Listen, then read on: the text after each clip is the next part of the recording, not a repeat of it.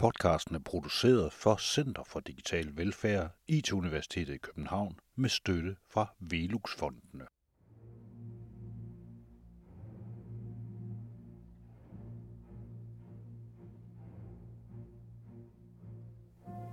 Velfærdssamfundet opstod i 1950'erne, og ingen vidste, hvad det var. For nogen var det et højdepunkt og resultatet af en udvikling, der havde givet økonomisk velstand i en grad, så alle nu havde mulighed for at dyrke kultur og åndelighed. For andre var velfærdssamfundet en potentiel undertrykker, som ville gøre alle ens, og hvor den unikke ener ikke længere havde noget at stræbe efter.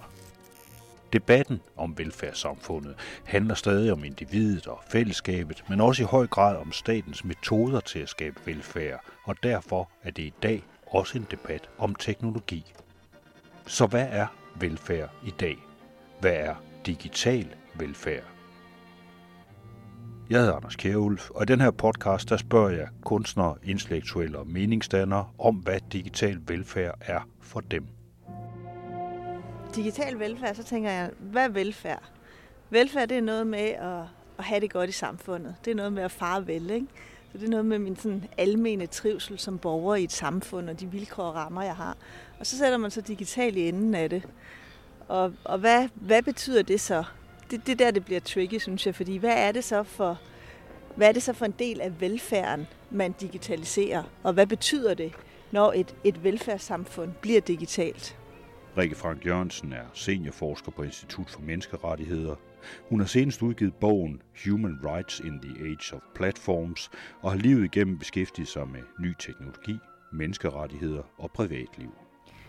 Jamen altså man kan sige, at hvis vi tager et samfund som det danske, så er vi jo gennemdigitaliseret. Og det har vi jo, altså, vi har jo været igennem digitalisering de sidste 20 år og har altså, vi er, vi er på, på nettet alle sammen. Vi har alle sammen op til flere devices. Vores interaktion med det offentlige foregår i høj grad digitalt. Og det offentlige selv er også gennemdigitaliseret. Og der ligger et hav af digitaliseringsstrategier, som man kan finde, der går 25 år tilbage, altså helt tilbage til øh, 596 blev de første jo lavet omkring, hvad, hvad vil det sige at være, at være et, øh, et digitalt samfund i Danmark. Så altså, jeg synes, det, det der er interessant, når man, når man kigger på de der ting, det er så at kigge på, jamen, hvad er det for nogle, hvor er det, man har lagt fokus, hvad er det for nogle rationaler, der driver det, hvor er det ligesom interessen har været, hvad, hvad har det konkret været, man har digitaliseret, øh, og hvor er borgeren hen i alt det der. Og der synes jeg, hvis vi sådan skal male lidt med den, med den brede pensel, så har der været rigtig meget fokus i Danmark på effektivisering. På effektivisering og på kontrol. Og også noget på, hvad skal man sige, at lave en hel masse selvbetjening. Altså at gøre det mere fleksibelt for os som borgere, fordi vi så kan gå ind digitalt og betjene os selv. Men det er jo også samtidig, kan man sige, en effektivisering. Fordi hvis du betjener dig selv, så belaster du jo ikke en, en medarbejder på samme måde. Og noget af det, jeg, jeg savner lidt der i, i hele det danske digitaliseringsprojekt, det er, at man tager mere udgangspunkt i den enkelte borger, den livssituation, de står i, øh, og hele, altså i virkeligheden starter med visionen om, hvad er det for et samfund, vi gerne vil have. Hvordan skal det digitale velfærdssamfund Danmark se ud om 10-20 år? Og der synes jeg jo, det er oplagt at tage, tage udgangspunkt i nogle af de nogle af de værdier, vi allerede har i, i for eksempel menneskerettighederne omkring, jamen det er noget med, at det skal være et, et værdigt samfund, et inkluderende samfund, et samfund, hvor, hvor alle kan være med, hvor man har indflydelse, hvor der er et rimeligt magtforhold mellem staten og den enkelte borger. Så man altså starter der, hvor, hvor borgeren er, og ser på, hvordan kan vi bruge det digitale til at forbedre borgerens livssituation, til at gøre borgeren stærkere, klogere, få flere valgmuligheder, hjælpe dem i deres liv. Og der synes jeg nok, der har været ja, lidt for meget fokus på at se det inden fra forvaltningens side. Og det er jo heller ikke så underligt, fordi det er der, de mennesker sidder, som laver de her strategier. Og det er jo ofte sådan, at man, man kigger ligesom fra den stol, hvor man selv sidder. Ikke? Så hvis man sidder inde i en styrelse og inde i et ministerie, så ser, så ser man jo verden gennem de briller, i forhold til hvis man, man flytter sig udenfor og derude, hvor, hvor vi alle sammen går rundt og ser på, hvad er det så for nogle behov og ønsker, der er derude. Og der synes jeg, der har været en tendens til, at det har været sådan et, et lidt, øh, hvad skal man sige, teknologifascineret, øh, teknokratisk projekt, øh, der meget har handlet om, om effektivisering der vil man jo nok sige, hvis man spurgte Digitaliseringsstyrelsen, at de har gjort det helt vildt meget nemmere for os alle sammen. Der er kommet mere velfærd, fordi vi har fået mere tid, fordi vi nu kan betjene os selv i forhold til det offentlige, så er vi fri for at ramme rundt og stå og stå i kø nede på Rådhuset og sådan noget. Vi kan bare logge ind med nem idé, og vi kan skrive til folk, og vi kan gøre alt det her. Er, er der ikke sket fremskridt? Jo, der er på, på masser af områder, der er det blevet nemmere og mere fleksibelt. Det oplever jeg også selv. Men jeg synes også, jeg taler med rigtig mange mennesker, øh, og måske især øh, øh, borgere, som, som ikke er de allermest ressourcestærke, som synes, det er svært at navigere i, som bliver stresset og presset over det der krav om digitalisering, de hele tiden møder i deres interaktion med, med det offentlige, og som bruger rigtig, rigtig mange ressourcer på at finde ud af, hvordan de så skal gøre det, øh, og hvor det er langt nemmere at snakke med et andet menneske. Så mange af de ting, som vi i virkeligheden går og gør digitalt, det ville måske i virkeligheden kunne løses bedre, hvis vi afdigitaliserede det, og folk begynder at tale med hinanden. Jeg synes i hvert fald, man skal være meget, meget skarp på, øh, altså hvor man gør det, og hvor meget man gør det, og om der er nogle alternativer til dem, der ikke ønsker at benytte sig af de veje. Altså det er jo fint nok, hvis jeg synes, at øh, jeg vil gerne gå ind klokken øh, 9 om aftenen og bestille pas og tilmelde mig alle mulige forskellige ting og indsende erklæringer på, at jeg stadigvæk er berettiget til at modtage en eller anden ydelse osv. Men der kan jo også være, være masser af mennesker, som synes, at det er det er svært og komplekst at navigere i, og så får man fejlmeddelelser, og så skal man bruge nem idé, og så virker nem idé ikke, og hvad skal man så gøre? Øh, og hvor det ender med at blive en meget frustrerende situation. Eller min computer virker ikke, fordi den er for gammel, og den er ikke blevet opdateret. For eksempel, ja. Eller du kan se på, på, på skoleområdet, som mange af os jo også er, er i kontakt med, med via vores børn, ikke? hvor jeg synes, der er jo ikke, altså, der er jo stadigvæk ikke noget, der erstatter samtalen mellem børn, lærere og forældre. Men, men jo mere, jo mere vi, vi bliver presset over i de her platforme på skolen, er det så konkret Aula, ikke? Øhm, jo, jo mindre tid bliver der også til det andet. Og mere tid bruger vi på at sidde og følge med ind på de digitale platforme og se, hvad der nu bliver skrevet ud om, og hvilke informationer vi nu skal forholde os til øh, og arrangere osv. Og der synes jeg, ja, der synes jeg, man skal, man skal være meget bevidst om, øh, hvor man sætter det ind, og, og hvor der virkelig er en fordel i det.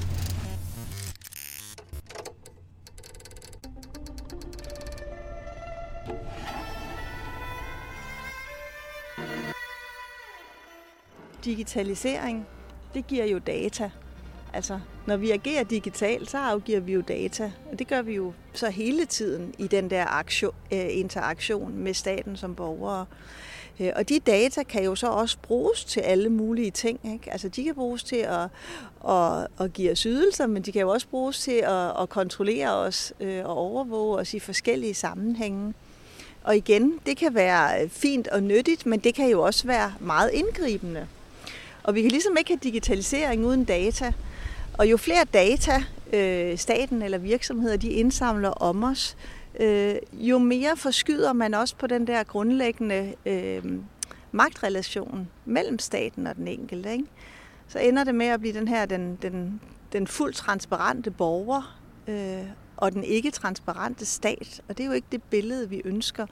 Vi ønsker jo, at det, at det skal være et samfund, hvor vi som borgere har har magt og indsigt og indblik og valgmuligheder, og at vi har mulighed for ligesom at, at se, hvad der foregår på den anden side.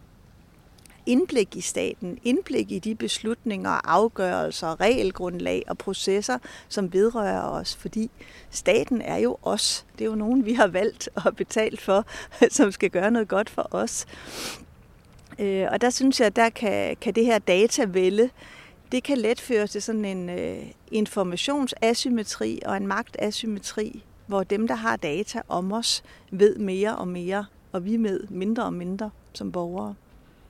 Det kunne være, man kunne forestille sig, hvis man nu skulle tænke nyt omkring begrebet digital velfærd, så kunne det være, at man skulle prøve at sige, at det, der skulle være formål, det var virkelig måske at vende den der bøtte rundt, så man siger, at fremover så skal staten vide mindre om borgerne, og borgerne skal vide mere om staten. Ja, altså det var jo noget af det, der, der var meget fremme dengang, at vi, øh, vi troede på, at teknologi ville være rigtig, rigtig frisættende, ikke? for 20 år siden, eller noget af den stil. Altså det, det, og, det, og det element har teknologien jo også, at det kan bruges til at empower, som man siger på engelsk. Øh, altså det kan bruges til at gøre os stærkere og give os mere indsigt og råderum, ikke? Men i de her sidste 20 år, der har det jo nok, synes de fleste, flyttet sig en del i den forkerte retning. Det tror jeg ikke, de synes i Digitaliseringsstyrelsen. Altså i Aalbæk, der, der mener de jo, vi er jo, vi er jo kun på begyndelsen nu. Der er et stort potentiale for yderligere digitalisering, og det bliver kun bedre og bedre. Men der er jo også uendelige muligheder af, hvad du kan digitalisere, men altså, det er jo bare utrolig vigtigt, at vi ikke tager digitalisering for digitaliseringens skyld, og vi ikke automatiserer for automatiseringens skyld, men starter med, med visionen og, og den klare politiske idé om, hvor det er, vi gerne vil digitalisere, og hvor, det, hvor vi bestemt ikke ønsker at gøre det. Øhm, altså for eksempel, altså noget af det, vi kigger på lige nu inde på Institut for Menneskerettigheder, det er for eksempel det her med, øh, når data det indgår i automatiserede beslutninger om den enkelte borger. Altså typisk som noget, det i første omgang beslutningsstøtte, men på sigt kan det jo så også være øh, helt selvhjælpende beslutninger, der kan, kan bruges til at træffe afgørelser om borgeren. Der kan du sige, jamen, jamen på den ene side, så kan der jo godt være nogle, nogle positive ting i det, hvor man siger, at de her algoritmer, de, er, øh, de kan være mere objektive, fejlfri, troværdige, øh, upartiske øh, end en sagsbehandler. På den anden side, så er der jo hele det, det personlige skøn og den læsning af den enkeltes situation og kontekst osv., som mennesker jo stadigvæk øh, er uovertruffen dygtige til i forhold til maskiner. Øh, plus at mange af de her algoritmer stadigvæk bliver udviklet på en måde, hvor vi ikke nødvendigvis får tænkt borgernes rettigheder ind helt fra starten. Og vi får måske ikke tænkt nok over, at de data, der føder algoritmerne, det er jo så også rigtig vigtigt, at de repræsenterer os alle sammen. Øh, og de antagelser, vi putter ind i de algoritmiske systemer, de så ikke kommer til at reproducere uligheder og skævheder, øh, som vi har øh, i vores hoveder og har ude i verden, og så på den måde, kan du sige, få sat strøm til bias og diskrimination og ulighed og forskelsbehandling på en måde, som vi ikke ønsker. Så derfor, når man, når man automatiserer ting, og på den måde effektiviserer og speeder op under det, som sådan nogle systemer de kan gøre, så er det altså også rigtig, rigtig vigtigt, at vi har helt styr på, hvad det er, vi putter ind, både i forhold til data, men også i forhold til antagelser og præmisser øh, og resonemanger, som de jo bygger på. Påstanden vil jo være den sammenhæng, at når vi automatiserer og begynder at bruge nogle af de her teknologier, de her øh, algoritmer og hvad der er profileringer, hvad der nu ellers ligger af muligheder af de her ting, så er det, man siger, det, det er jo meget mere retfærdigt. Fordi det er en computer, øh, som tager stilling. Den bliver ikke påvirket af, om man smiler sødt til sagsbehandleren, eller om eller det modsatte, om man ser grim ud, eller lugter øl, eller et eller andet andet. Det, det er den ligeglad med. Den tager fuldstændig objektiv stilling til de her ting. Det der mangler at sige, det er jo fremskridt, i stedet for, at man skal sidde og, og fedte sig igennem et eller andet system, hvor det, hvor det ligesom handler om, øh, hvad for en form for udstråling man nu har, eller, eller man kender nogen, eller et eller andet. Er det ikke mere retfærdigt? Jamen altså, det element er der, men, men samtidig kan computeren jo også kun det. Altså, den kan jo kun agere på baggrund af de data, den har fået. Øh, og de antagelser, kan du sige, eller de formodninger, der ligger i dens program. Så hvis den er, hvis den er for eksempel kun er trænet på data om øh, middelalderne hvide mænd, eksempelvis, og ikke har, har særlig mange data, der repræsenterer øh, kvinder eller andre grupper, øh, så er det klart, altså så, så kommer der jo en bias i den måde, den resonerer, resonerer, hvad hedder det? resonerer på. Øh, eller øh, altså nogle af, noget af det første og meget kendte forskning, der har været i USA omkring algoritmer, nogle af de her øh, forsøg, man har lavet, hvor man har set på, hvordan øh, Øh, hvis, hvis du træner algoritmer til at hjælpe politiet til at finde ud af, hvor de skal gå hen og målrette deres øh, ressourcer i kriminalitetsbekæmpelse, så lægger man så nogle, nogle antagelser ind om, hvor der tidligere, eller det bygger på nogle historiske data om, hvor man tidligere har kørt hen, når der var ballade. Og det bliver jo så lagt ind, og så kører man jo så i endnu stigende grad hen i de specifikke kvarterer, og dermed bliver det jo sådan en uheldig loop, der reproducerer, at det er lige præcis i de områder, der sker noget, og ikke i andre. Det, det, det du tænker på her, det er det, der hedder predictive policing, blandt andet. Altså, at man forsøger at forudsige, hvor der kunne risikere at opstå mere kriminalitet, og så med det, øh, ud fra det, så, så kan man så sætte for eksempel øh, mere politi ind i et bestemt område, hvis man siger, at det er derude, det foregår. Det er der jo mange, der vil sige igen. Det super effektivt. Altså, øh, man kan jo ret hurtigt finde ud af, om det passer eller ej. Hvis der ikke sker noget i de områder, man kommer hen, jamen, så er der jo ikke nogen problemer. Så kan man vel trække et andet sted hen bagefter. Altså, kan det virkelig gå så galt? Jamen, altså, problemet er jo lidt, når først de her programmer de er født med data, og når de først er sat i værk, så er, det jo, så er, det jo ikke, så er man ikke så smadret gode til at rulle det tilbage. Altså det ser vi jo desværre tit med digitalisering. Altså vi har jo en, en bred vifte af fejlslagende digitaliseringsprojekter i Danmark, øhm, hvis vi ser tilbage, altså igen over de sidste 20 år. Øh, og det er jo tit sådan, at det er sådan nogle skibe, der bliver sat i søen og ligesom får lov til at, at sejle deres eget øh, sejle deres egen sø, og, og kommer til at leve deres eget liv. Altså, og der, der, derfor er det utrolig vigtigt, at man helt up front får tænkt meget grundigt over, hvordan det bliver designet. Jeg tænker bare på, med, for dig, altså hvis du nu, altså, der må også være nogle, der må også være nogle positive ting ved det her. Jeg tænker på, er der noget, hvor du tænker over, det her, det er, det her, det, for mig der er det faktisk øh, noget, der giver mig velfærd, som er digitalt. Altså er der noget, hvor du tænker, sådan, det, det, det er egentlig godt det her?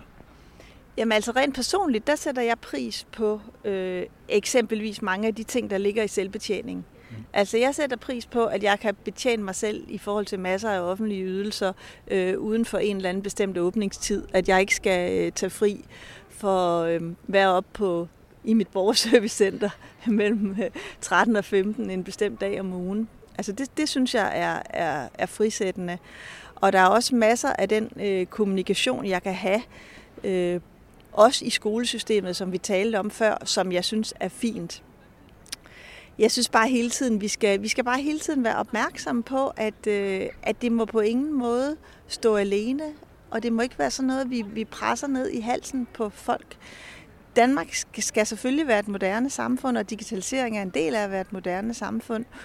Men, øh, men det er rigtig, rigtig vigtigt, at der er valgmuligheder, og det er rigtig vigtigt, at vi tænker os om, øh, når vi indfører de her teknologier, og vi, og vi ligesom hele tiden sikrer, at det er, den, det, er den, det er den politiske, borgerdrevne vision, som er den, der sætter dagsordenen, og ikke, altså, ikke bare den teknologiske fascination, eller det, at vi kan, eller der er jo hele tiden masser af tilbud fra masser af virksomheder, der gerne vil udvikle løsninger på det her. Øh, at det ikke er det, der sætter dagsordenen, men det er nogle bevidste prioriteter, som har været igennem vores folketing.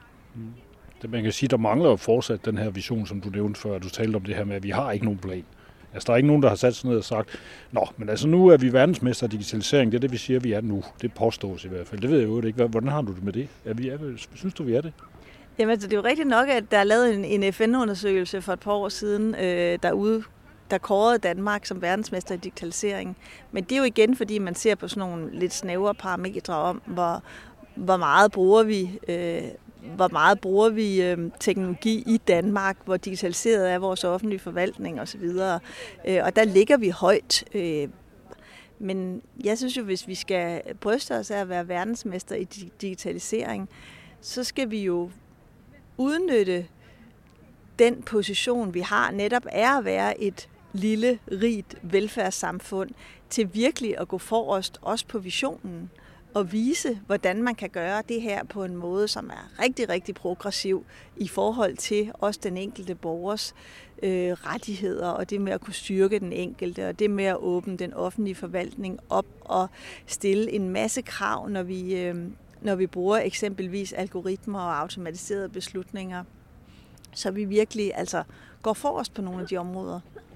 Men det er jo meget sjovt, altså det vi kom fra, det var visionen, altså det der med, at der var, om der, der ligesom var et billede af, hvordan de lykkelige danske digitale verdensmesterborgere øh, skal danse rundt mod solnedgangen, øh, mens deres børn øh, synger sange eller et eller andet, eller skaber noget fantastisk innovativt på YouTube, eller hvad det nu ellers er.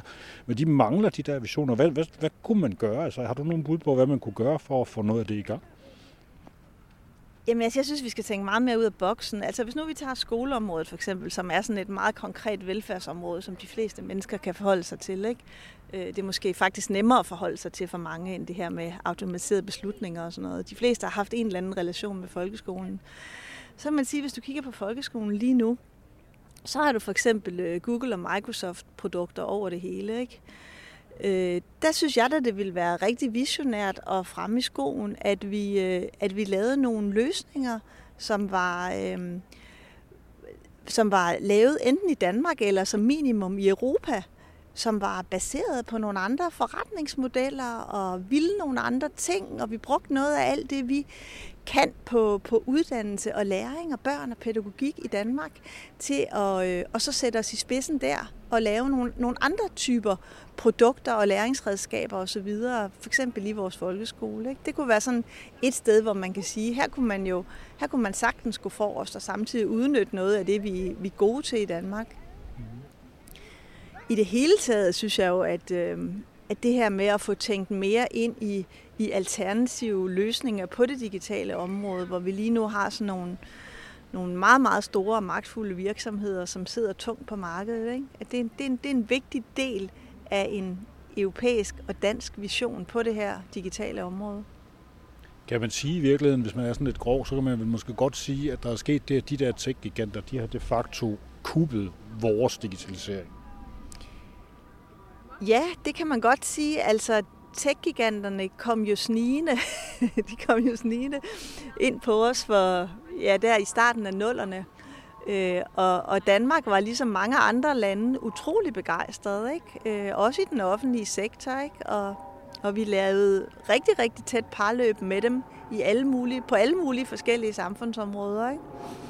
Og nu er vi jo så ved at, at finde ud af her over de sidste øh, 4-5 år, at det, vi skal måske være øh, lidt mere kritiske og stå lidt mere på egne ben, ikke? inden at det hele det bliver, øh, bliver smart cities og, øh, og Google-skoler osv. Og, og det synes jeg, det er, det er, det er rigtig, rigtig vigtigt, at vi får vendt den, den skude lidt og får sat os lidt mere på vores egen dagsorden der. Og så synes jeg også, jeg synes, der har været, jeg har også været i det her digitaliseringsgame i mange, mange år. Jeg synes også, der er sådan hele tiden sådan lidt en frygt for, at vi ikke når det. Altså det er, sådan, det er et tog, der kører, og vi løber efter det på perronen, og vi hele tiden lige ved at komme for sent. Og det har vi hele tiden været.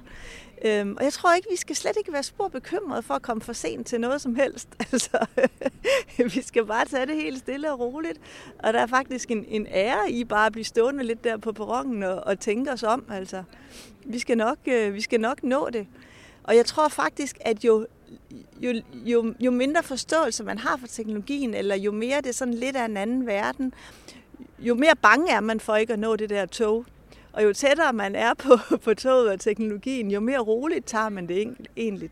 Fordi jeg synes, når jeg taler med, med de mennesker, jeg kender, der er allermest teknologikyndige, så er der aldrig nogen af dem, jeg hører sådan være, være meget bekymret for ikke at nå toget.